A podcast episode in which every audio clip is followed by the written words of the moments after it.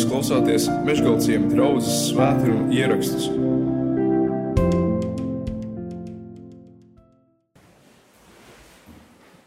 Tad, kad uh, lasa apakstuļu darbus, tad uh, var pamanīt, ka tajā stāstā, ko apakstuļu darbu autors Lūka stāsta, ir tādas, tā tādas mazas teksta saliņas. Viņš stāsta kaut, kādus, eh, kaut kādu darbību, kaut kādus notikumus. Ja? Un tad ir viens tāds mazs komentārs pēkšņi. Dažos pantos mazs komentārs vai tāds apraksts par to, nu, kāds ir tas rezultāts. Piemēram, eh, pagājušajā reizē, kad mēs mežā bijām, mēs jau tur eh, nu, lasījām to pēc, pēc tam, kad uh, vasaras svētku dienā Pēters bija teicis lielo vasaras svētku sprediķi, draugi bija dzimusi, svētais gars bija nācis. Uh, tad apstuļu darbos otrajā nodaļā, ja, uh, no nezinu, 41. panta, ir tāds apraksts, kas viņa vārdus uzņēma, tos kristīja, un tādā dienā tiem pievienojās ap 3000 dvēseļu un tie pastāvēja apstuļu mācībā, sadraudzībā, maizes laušanā un lūkšanās. Visus pārņēma bailes, un apstuļi darīja daudz brīnumu un zīmju, bet visi ticīgie turējās kopā, un viss tiem bija kopīgs. Viņi pārdeva savus īpašumus un rocību un izdalīja visiem, kā kuram vajadzēja. Ja? Un tad pēc tam eh, Lūka stāsta tālāk par to, kā Pēters un Jānis, divi no Jēzus mācekļiem, apstuļiem, iet eh, templī, un tur viņas satiek, ierauga vienu cilvēku, kurš ir mm, nu, kroplis, ne, un tad viņi dziedina šo vīru. Un, un templī tad arī notiek tādas lielas nu, sakustinājums. Un, un tad tos, tos abus apstuļus, nu, apcietina, aizveda pie jūdu valdie, valdītājiem ne, un prasa, kas tas ir, kādā vārdā un kāpēc jūs to darat. Un tad viņiem pabrīdina, nē, Jēzus vārdā to vairs nedariet nekad. Un tad tie apstuļi atgriežas atpakaļ savā nu, draudzē, un viņi ko dara? Viņi nevis e, izdomā plānu, ko nu tagad mēs te varētu, kā mēs klusiņāk varētu to visu darīt. Viņi saka, viņi lūdz Dievu un saka, Dievs, mēs gribētu vēl ar lielāku drosmi uh, turpināt runāt un stāstīt uh, par taviem darbiem Jēzus vārdā.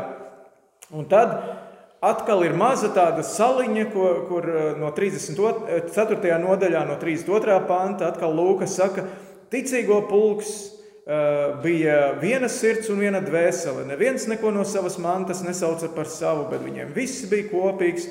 Apostoli ar lielu spēku apliecināja kunga Jēzus augšām celšanos un liela žēlastība bija ar viņiem visiem. Ja? Tad, tad Lūkas stāsta tālāk, 5. nodaļā par diviem draugu locekļiem, Ananiju un Safīru. Uh, Un, un tur ir arī tāds, tāds nu, brīdinošs notikums, kur šie abi cilvēki aiziet bojā, tāpēc ka viņi bija nu, melojuši draudzēji, varētu teikt tā, ja? melojuši draudzēji un dievam. Un tad pēc šī notikuma atkal ir uh, teksts, un tas būs tas mūsu šodienas uzmanības centrā, 5. nodaļā, 12, no 12. No 12. panta. Eh, bet caur apstuļiem notika daudz zīmju un brīnumu ļaužu starpā, un visi vienprātīgi bija kopā Salamana ailē. No pārējiem neviens neiedrošinājās ar viņiem biedroties, bet ļaudis tos augsti cienīja. Un vēl vairāk pievienojās tādu, kas ticēja tam kungam, pulks vīru un sievu, tā kā arī neveselos iznesa uz ielām un lika gultās un nestuvēs, lai Pēterim garām ejot, kaut viņa ēna kādu no tiem apēnotu. Arī no pārējām apkārtējām pilsētām pulks ļaužu nāca uz Jeruzalemi, nesdami neveselus un nešķīstu garu apsēstus, kas visi tika dziedināti.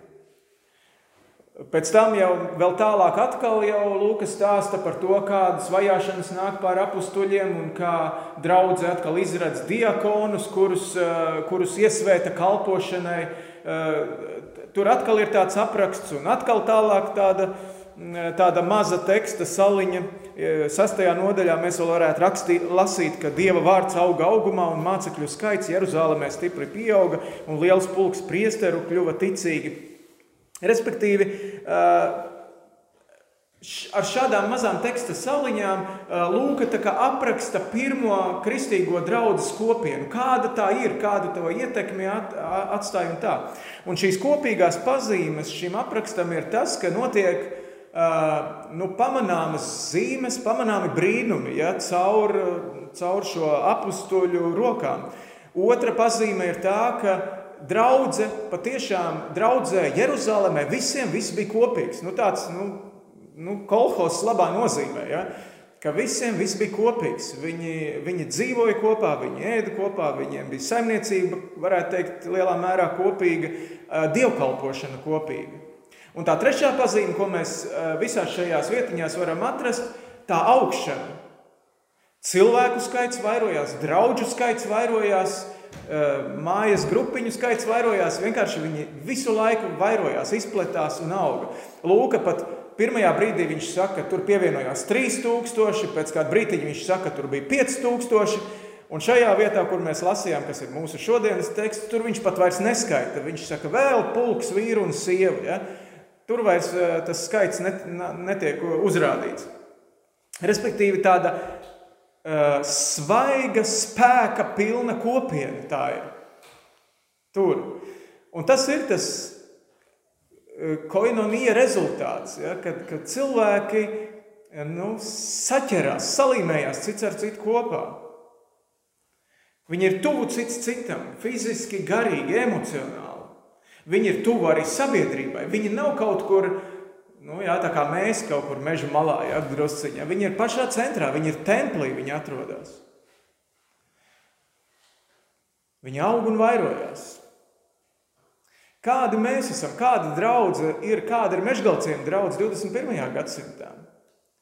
Es domāju, ka nevajag mums kopēt tādā tiešā veidā Jeruzalemes draugu. Ja? Mēs, mēs nevaram daudzas lietas var būt tā, kā, tā kā tur tas notika. Un, un īstenībā, kad arī jaunajā darbā paskatās, tad to, ko darīja Jeruzalemes draugs, to nedarīja varbūt citās vietās, vai Korintā, vai Efesā. Vai tā. Tām draudzēm bija drusku citādāk uzbūve. Ja?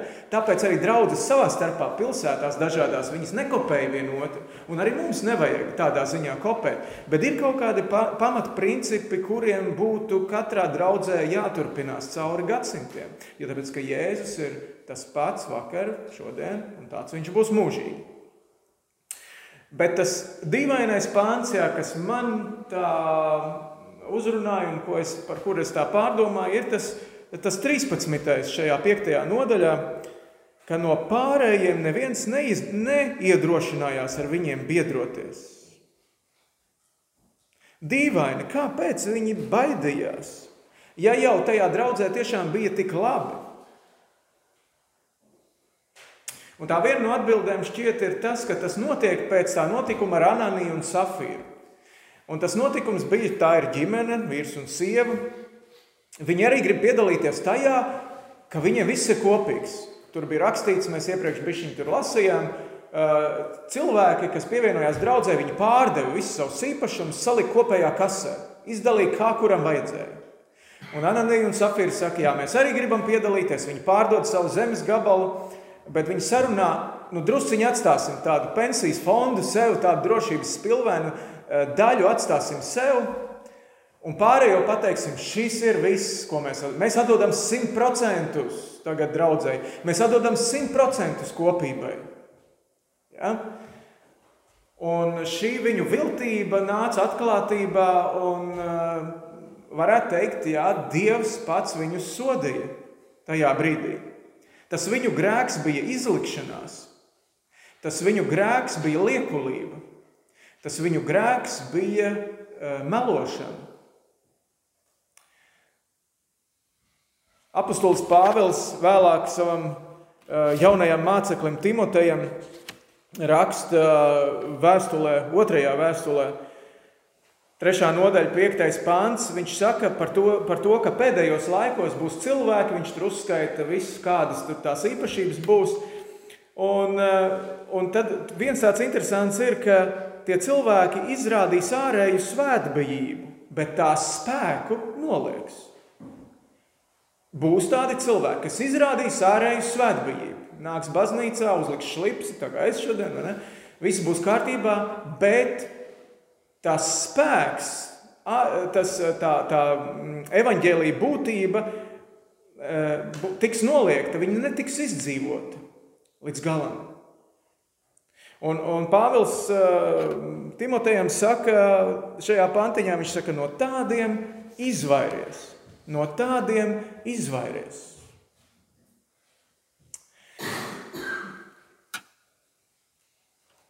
Es skatos apkārt, ka šodien draudzes bieži vien dara visu, lai piesaistītu cilvēkus.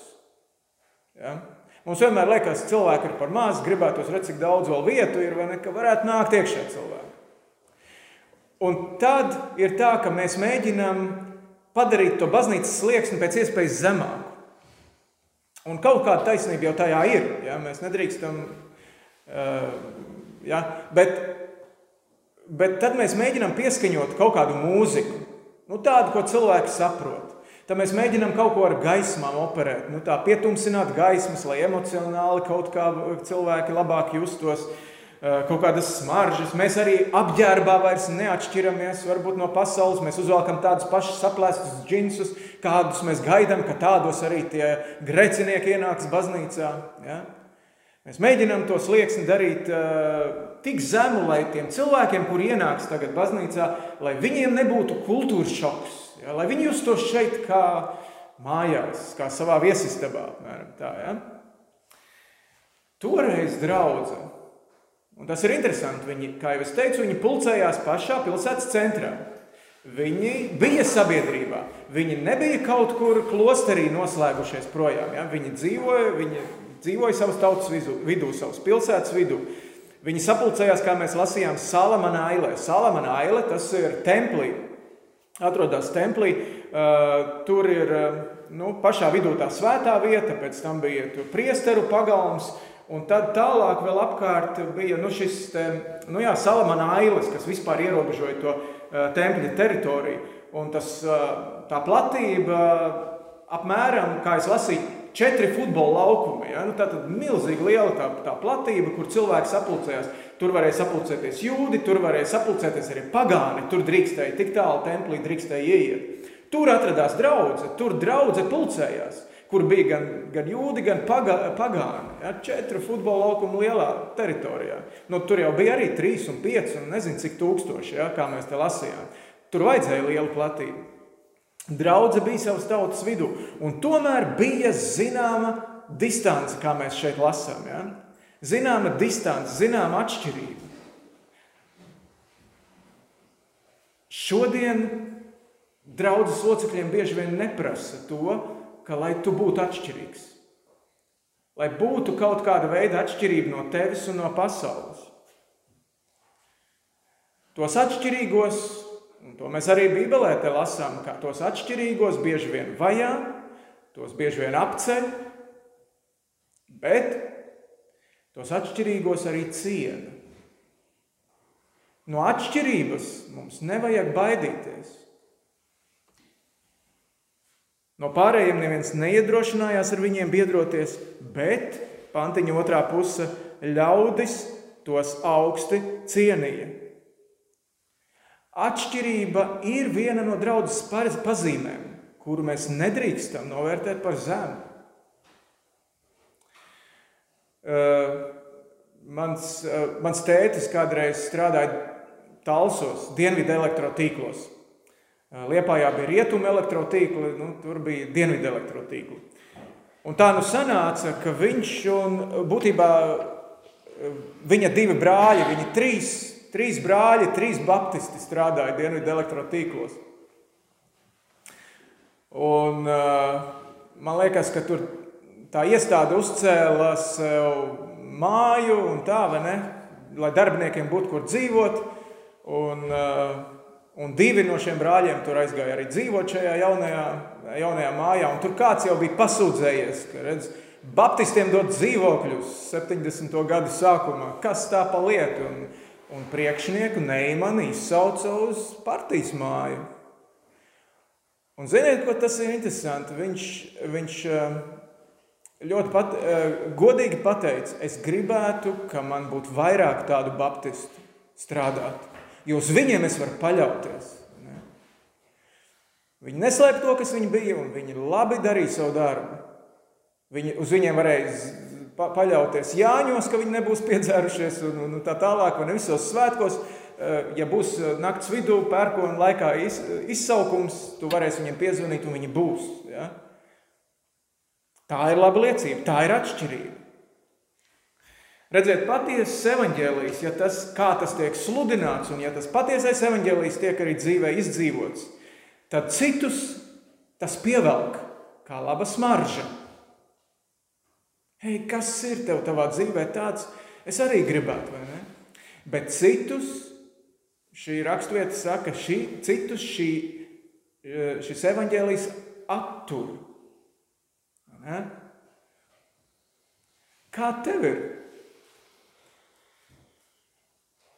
Un tas ir interesants un jocīgs varbūt jautājums jautāt cilvēkam, kurš ir atnācis uz baznīcu. Kā tev ir? Vai evaņģēlijs tevi pievelk, vai viņš tevi tā tur ar kaut kādu distanci. Jo šodien baznīcas tāpat ir vaļā. Tāpat kā Salamana aila. Tur var iet iekšā pagāni, tur var iet iekšā jūdi. Atvērta telpa.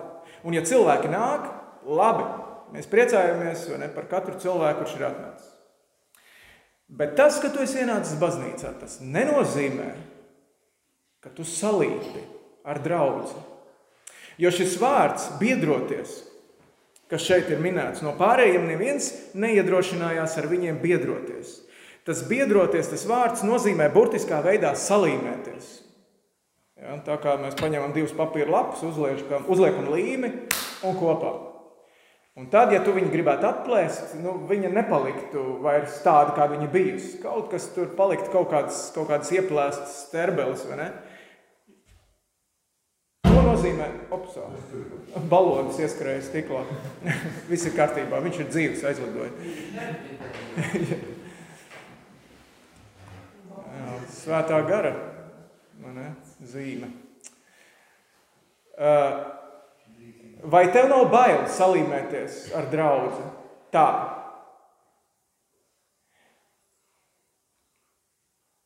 Jo šeit arī mēs lasām, ka uz turieni nāca arī citu iemeslu dēļ. Uz baznīcu cilvēki nāk arī citu iemeslu dēļ.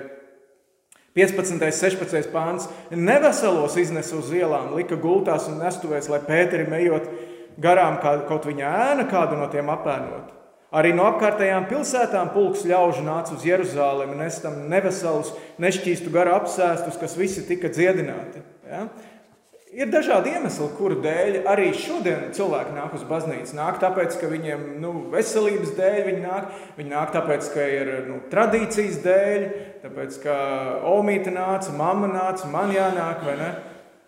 Aiz, nāk kaut kāda sirdsmiera dēļ, uh, nu, nu, tad man ir mierīgāks sirds un es labāk jūtos, vai tu nāc Jēzus dēļ?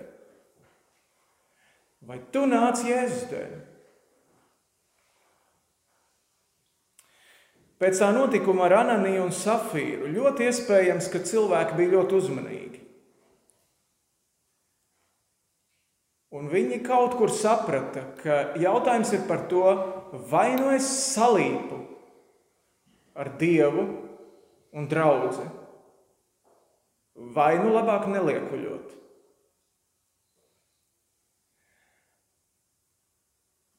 Jo Es domāju, ka draudzes vidū tāda kaut kur tāda nu, liekulība vai mānīšanās vēl joprojām ir. Paldies Dievam, ka Viņš ir žēlīgs un Viņš nesoda vairs mūs tāpatās kā Ananija un Safīra uzreiz un uz vietas. Un tomēr Bībele saka, ka nāks laiks, kad Dievs nāks un atšķirs graudus no pelavām. Viņš atšķirs to, eh, tās tos kviešus no nezālēm. Būs brīdis, kad nāks un šī atdalīšana notiks. Vienalga, vai tu esi baznīcā vai ārpus baznīcas. Es lasīju pirms brīža to Jēzus līdzību par sējēju. Tā ir jau pazīstama arī līdzība, jūs jau būsiet to dzirdējuši arī daudzi. Bet tur runa ir par četriem augsnes tipiem. Par četriem dažādiem augsnes tipiem, kurā sējējs, ka iet un izsēja savu sēklu, nokrīt dažādās augsnēs. Tā sēkliņa, kurā ir tas augšanas potenciāls. Mēs varam šobrīd atskaitīt to auglīgo zemi nost. Ja? Tie ir tie, kas salīp, tie ir tie, kas pieķeras dievam, tie ir tie, kas pieķeras draudzēji, nes augļus. Mēs to tagad paņemsim nost. Un paliek tās trīs, trīs iemesli, kādēļ cilvēki nesalīp, nesalīmējās kopā.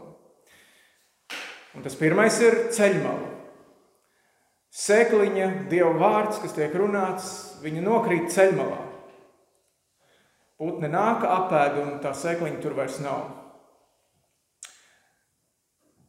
Evangelijas tam cilvēkam notek tā kā pīlai ūdens. Ja? Viņš neko nepadara, nepadara tās spalvas slapjas. Dieva vārds, kad viņš tiek izrunāts, viņš nekādu rezonanci neatstāja. Paskrien gar ausīm, paskrien gar sirdi garām. Tam cilvēkam pilnīgi pietiek ar Ziemassvētkiem atnākt. Vienreiz gadā pastīties uz eglīti. Un tas ir viss. Tā ir ceļmala. Otrais, otrais augsnes tips, par kuru Jēzus runāja, ir akmenājs, akmeņaina zeme. Un par šo ir tas garākais apraksts tajos, um, tajā līdzībā. Par to, ka sēkla iekrīt, un viņa, jā, tūlītās ir gatava augt. Viņa ir gatava augt, izlaiž tur saknīti stiebriņu un, un, un aug, bet tā problēma rodas tad, kad saule sāk karsēt.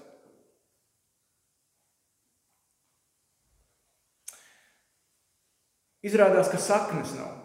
Izrādās, ka, ka, ka tā saknīte netiek līdz slapjumam, netiek līdz uh, dzīvības tai sulai, kas ir vajadzīgs. Ja? Pārāk sekli. Un tad, kad nāk tās grūtības, tā saule spiež, ja, tad tu nevis vairāk salīpi, nevis ciešāk pieķeries kā alpīnists pie klints, lai nenokristu, bet tu aizēji. Tad, kad grūtības nāk, tad, kad ir kādas, nu jā, apceļ tevi varbūt tavas atšķirības dēļ vai vajag. Tu nevis pielīpi vēl vairāk, bet aizēji par seklu. Un tā trešā augsne ir, ir ērkšķaina, nezāļu pilna augsne. Tur tā sēkliņa iekrīt, jā, viņai tur ir saknīt, viņi tur var ielaist, bet tad, kad, tad, kad viņa, jo viņa augstāk aug, jo vairāk arī tie ērkšķi un visas tie pārējās nezāles aug. Un tās tur ar tās dažu lapas pāraug pāri, saule netiek klāt, un tas augs nīkuļo. Kaut kas pāraug, kaut kas apēno to tavu kristīgo dzīvi. Kaut kas ir svarīgāks bieži vien ja, par, par, par dieva lietām. Un tā ir steiga. Ir svarīgās lietas un ir steidzamās lietas. Un tās steidzamās lietas bieži vien mēs uh, darām uzcītīgāk nekā, nekā tās svarīgās lietas. No šīm trijām mēs varam atskaitīt arī varbūt vēl to, to ceļmalu, to vienaldzību nost, ja, to ceļmalas vienaldzību. Tie ir cilvēki, kas, kas varbūt nenāk vispār, vai cilvēki, kuriem tiešām pietiek ar vienu reizi gadā. Bet no pārējiem, kuri mēs šeit esam atnākuši, paliek šīs divas lietas kas kavē salīmēties varbūt pa īstam draudzēji kopā. Steiga un seklums. Jocīgi ir teikt to tiem cilvēkiem, kuri ir atnākuši uz baznīcu.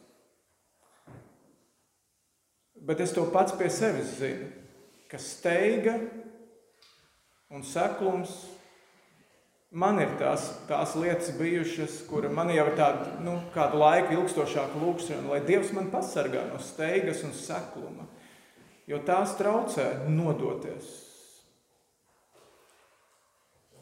Dievam.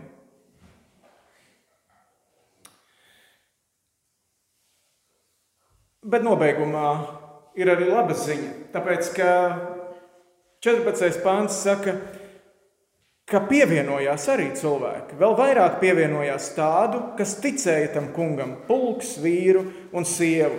Un pazīme šiem cilvēkiem, kuri pievienojās, bija ticība. Ticēšana Dievam. Un mēs varētu jautāt, vai tad Ananija un Safaira arī neticēja Dievam? Apostols Jēkabs uzdod jautājumu, viņš saka, bet ļaunie gari taču arī tic un drēb. Ja? Pat ļaunie gari tic. Ticēt kungam. Tas nozīmē pirmkārt jau pārliecību par tavu grēku piedošanas patiesumu. Pirmkārt, jau tas nozīmē, ka tu apzinājies un tici un zini, ka tur tas, kas pie krusta notika, kur Jēzus nomira, kur viņš savus asins izlēja, un tu atnāci un noliki tur savus grēkus. Teici, man ir žēl par to, ka es esmu dzīvojis atšķirībā no tevis. Es, uh, uh, bez tevis es biju pazudis, es, es, es grēku gabals vienkārši esmu, bet es tagad atnāku un es to nožēloju. Es nolieku savus grēkus pie, pie tava krusta pakājas. Piedod man manus grēkus. Un tad tu tici, Nevis tāpēc, ka tu jūti varbūt kaut ko tajā brīdī, bet tāpēc, ka tu tici, ka Dievs ir apsolījis, kas, eh, kas nāks pie manis, to es nedzīšu projām. Ja? Kas nožēlos savus grēkus, tam es piedošu grēkus. Tā ir tā viena lieta, ko nozīmē ticēt tam kungam un pievienoties, salikt ja? ar viņu, ar draugu. Ticēt krustam, kas pie krusta notika. Bet tā otra lieta ir, ka tam, kas tur pie tā krusta notika, ar tavu dzīvi, ar manu dzīvi, kas tur notika, tam ir jāizpaužas tavas un manas dzīves pakļaušanā Dievam. Mēs bieži vien sakam, nu, nāc pie Jēzus, uzņem Jēzu savā sirdī, un viss būs labi, vai ne? Jēzum nav jāsako man ka es tagad paņemšu savā sirdī, savā dzīvē, kādā gabaliņā arī vēl Jēzu iekšā, ja? un tad nu, viņš jau tur būs, vai ne? Bet es tad atkal laimīgs par savu dzīvi, vai ne? Darīšu tomēr savas steidzamās lietas. Otrādi, Jēzus vienmēr saka, nāc, sako man. Ļauj mana gara vējam pūst tavas eh, laiviņas burās. Tur, kur es pūtīšu, tur, kur es sūtīšu. Mēs pārāk bieži vien baidāmies, nu, ka viņš varētu sūtīt tur, kur es nemaz negribu būt. Ne? Bet Dievs nedod saviem bērniem sliktas lietas. Es klausījos pagājušajā nedēļā mācītāju Ulu Ukstiņa vienu svētrunu, Amerikas Latvijas Baptistu apvienības priekšsēdes, viņa svētrunu par žēlastību. Un tā, tā lieta, doma, kuru viņš izteica, ka žēlastību saprast un žēlastību piedzīvot, tās ir divas, bieži vien ļoti dažādas lietas.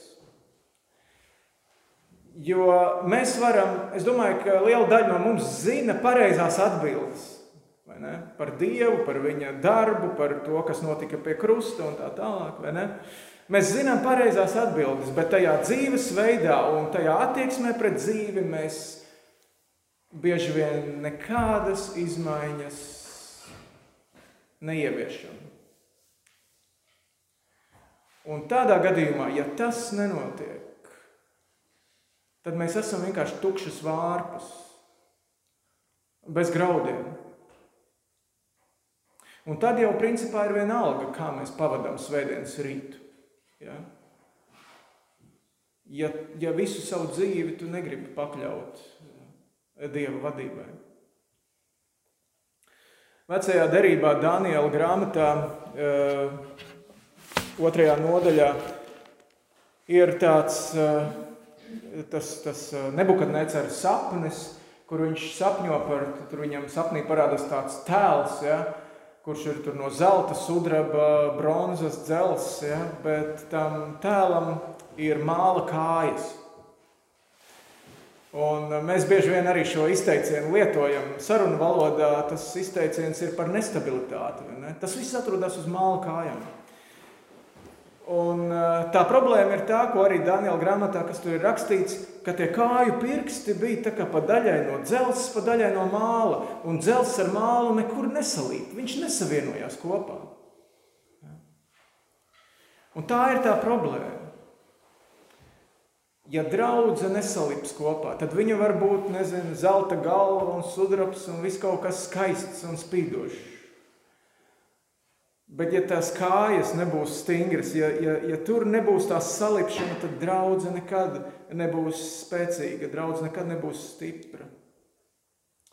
Un tāpēc es aicinu sevi, aicinu jūs arī, ka mēs pārbaudām savu dzīves ritmu un savas dzīves tempu, savas dzīves prioritātes. Vai tur nav steiga Dieva lietās, vai tur nav seklums Dieva lietās? kas mums traucē nodoties Dievam un nodoties citam priekš cita.